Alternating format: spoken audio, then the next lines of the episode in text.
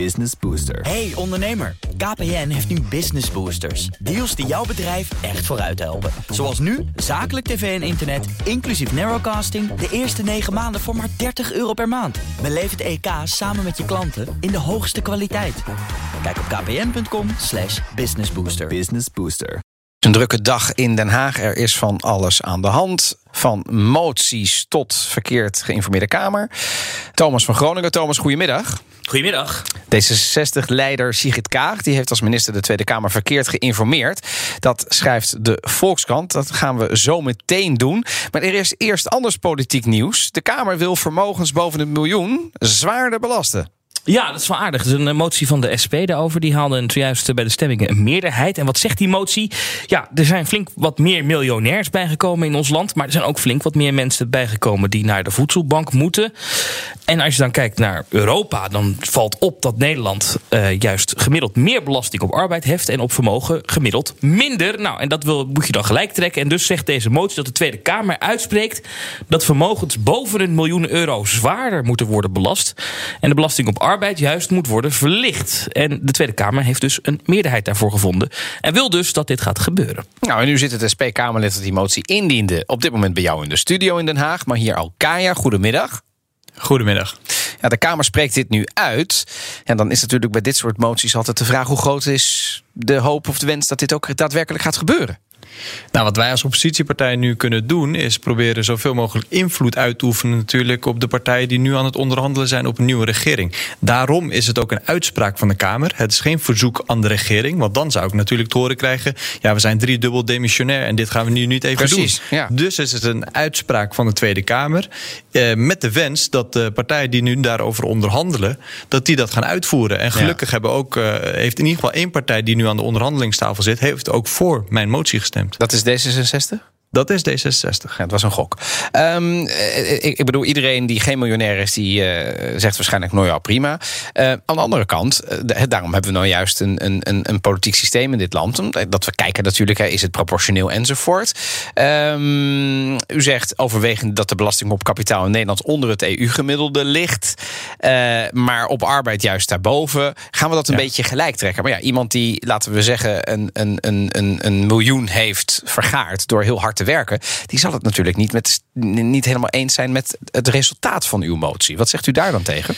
Toch zal diegene ook moeten erkennen dat dit wel verstandig is om te doen om de ongelijkheid in Nederland terug te dringen. Wij kennen het fenomeen in ons land werkende armen. Dat moeten we gewoon niet accepteren met elkaar. Als je werkt, dan moet je daarvan rond kunnen komen. En als we dan de belasting voor werkenden kunnen verlagen door de mensen die al heel veel geld hebben, namelijk meer dan een miljoen, door die een stukje meer te laten betalen, dan is dat niet alleen maar eerlijker, maar dan is het ook beter voor die economie. Want we weten allemaal dat als mensen met een laag inkomen meer te besteden krijgen, ja, die gaan het ook uitgeven. Dus dit is ja. uiteindelijk ook beter voor het MKB. Ja, nou maar, zou je kunnen zeggen, meneer Okaya, dat in Den Haag dit wel misschien een beetje gezien wordt als opportunisme van u. Omdat u misschien ook wel weet dat op het ministerie van Financiën hier al jaren over nagedacht wordt. Hè. Steeds meer mensen gaan met pensioen. Die zijn vaak rijk, zijn vermogen. De Nederlanders die werken straks niet meer. Er gaat dus ook minder mensen belasting betalen. Dus we moeten dat een beetje gelijk trekken om de overheidsfinanciën op de lange termijn in orde te houden. Dat heeft u al aan gehoord. U, u wist dat al. U dacht, weet je wat, even punten scoren. Ik die motie in. Mijn ervaring hier in Den Haag, mijn prille ervaring zit nog niet eens zo lang, is dat niks vanzelf gaat. Okay. Ik heb al een motie hierover ingediend samen met D66 destijds. Met de heer Van Wijnberg, die nu staatssecretaris is geworden. Om dit al uit te laten zoeken, twee jaar geleden. Motie is toen al aangenomen. Er is verder niks meer van terechtgekomen. Dus als je de drukte niet ophoudt als parlement, als volksvertegenwoordiger. Ja, dan gaat er ook verder niks gebeuren. En ik ben ook bang dat als er nu niks gebeurt, dan, uh, dan gaan we ook gewoon verder hiermee. Dan gaan we ook verder actie voeren. Dan gaan we ook verder in het parlement met onze, uh, met onze ideeën. En op een gegeven moment gaat dit er komen, want het is gewoon verstandig om te doen. Ja. Maar als wij niet die druk hoog houden, dan gaat het uh, niet gebeuren, ben ik bang. Maar u zegt het is verstandig om te doen, nogmaals. Hè, vanuit het, het SP-principe is dat natuurlijk te begrijpen. Tegelijkertijd. Nee, ook vanuit de economie. Nou ja, er, zullen ook economen zijn die het niet met u eens zijn, maar dat is een econoom eigen natuurlijk. Maar dan toch nog even, als we gaan kijken naar het principe, hè, in, in, wat Thomas zegt is natuurlijk waar. We moeten wellicht gaan kijken naar een verschuiving van arbeid naar vermogen. Maar dan toch nog, hè, op dit moment is dat nog niet zo. En wat, en wat deze motie nu zegt is, ja, we gaan boven die miljoen zwaarder belasten. Um, uiteindelijk is het toch een beetje Robin Hood spelen. tuurlijk moeten de armen meer te besteden hebben, want werkende armen, dat is een schande voor het land. Maar tegelijkertijd, waarom moet dat dan bij de mensen die het verdiend hebben weggehaald worden? Moeten, die niet gewoon, moeten de mensen die weinig verdienen niet gewoon meer betaald worden? Kijk, uiteindelijk is het, uh, is bestaat geen gratis geld. Dus we moeten het ergens vandaan halen. En als je ziet dat de vermogensongelijkheid in Nederland een van de hoogste in de westerse wereld is, dan is dit gewoon verstandig om te doen, ook voor de, voor de economie. Dus ja, we moeten ervoor zorgen dat werken loont in Nederland. En dat mensen die een baan hebben, dat die gewoon kunnen rondkomen, dat die een huis kunnen kopen. Dat we van de rare situatie afgaan dat mensen wel een baan hebben, maar niet kunnen rondkomen.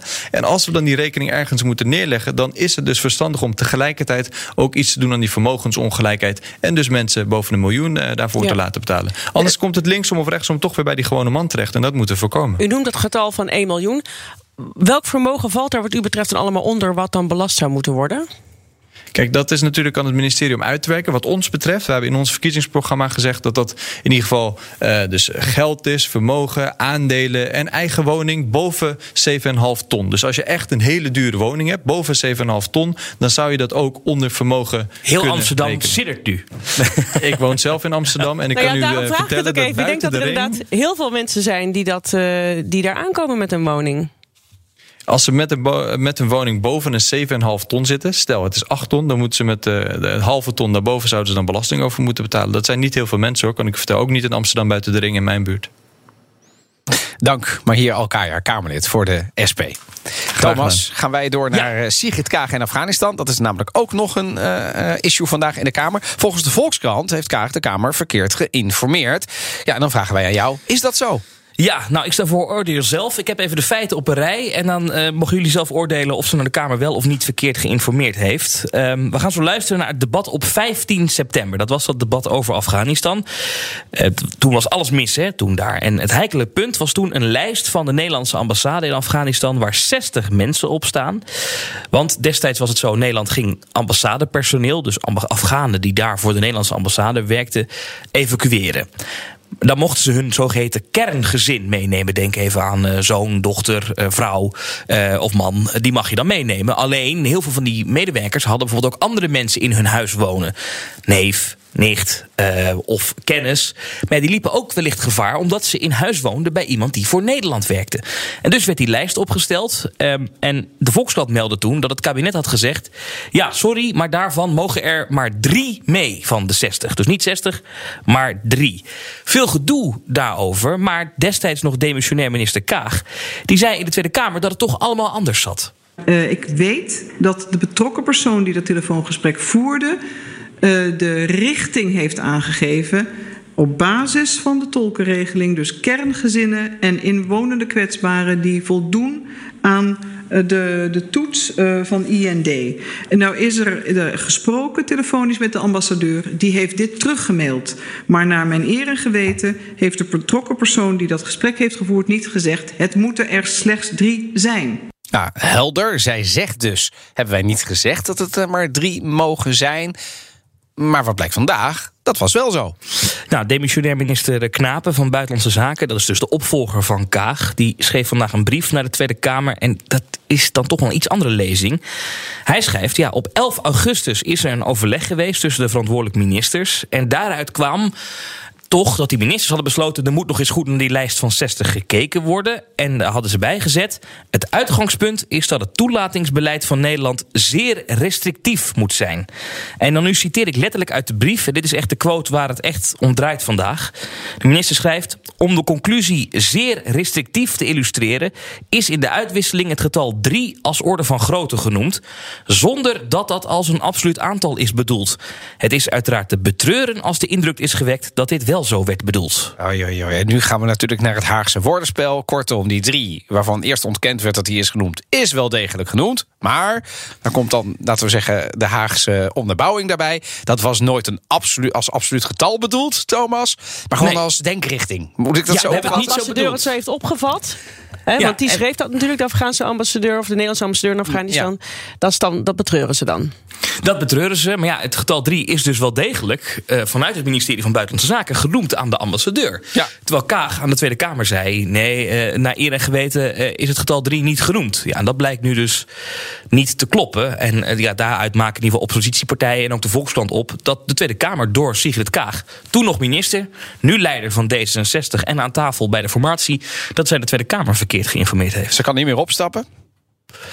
Nee, ze kan niet meer opstappen. Maar het is wel, uh, laten we zeggen, een smetje. smetje. Het, het, het, komt niet lekker over in ieder geval. En je merkt ook, morgen is er nog een uh, uitgebreid commissiedebat over Afghanistan. Dat zal ook weer heel de dag duren waarschijnlijk.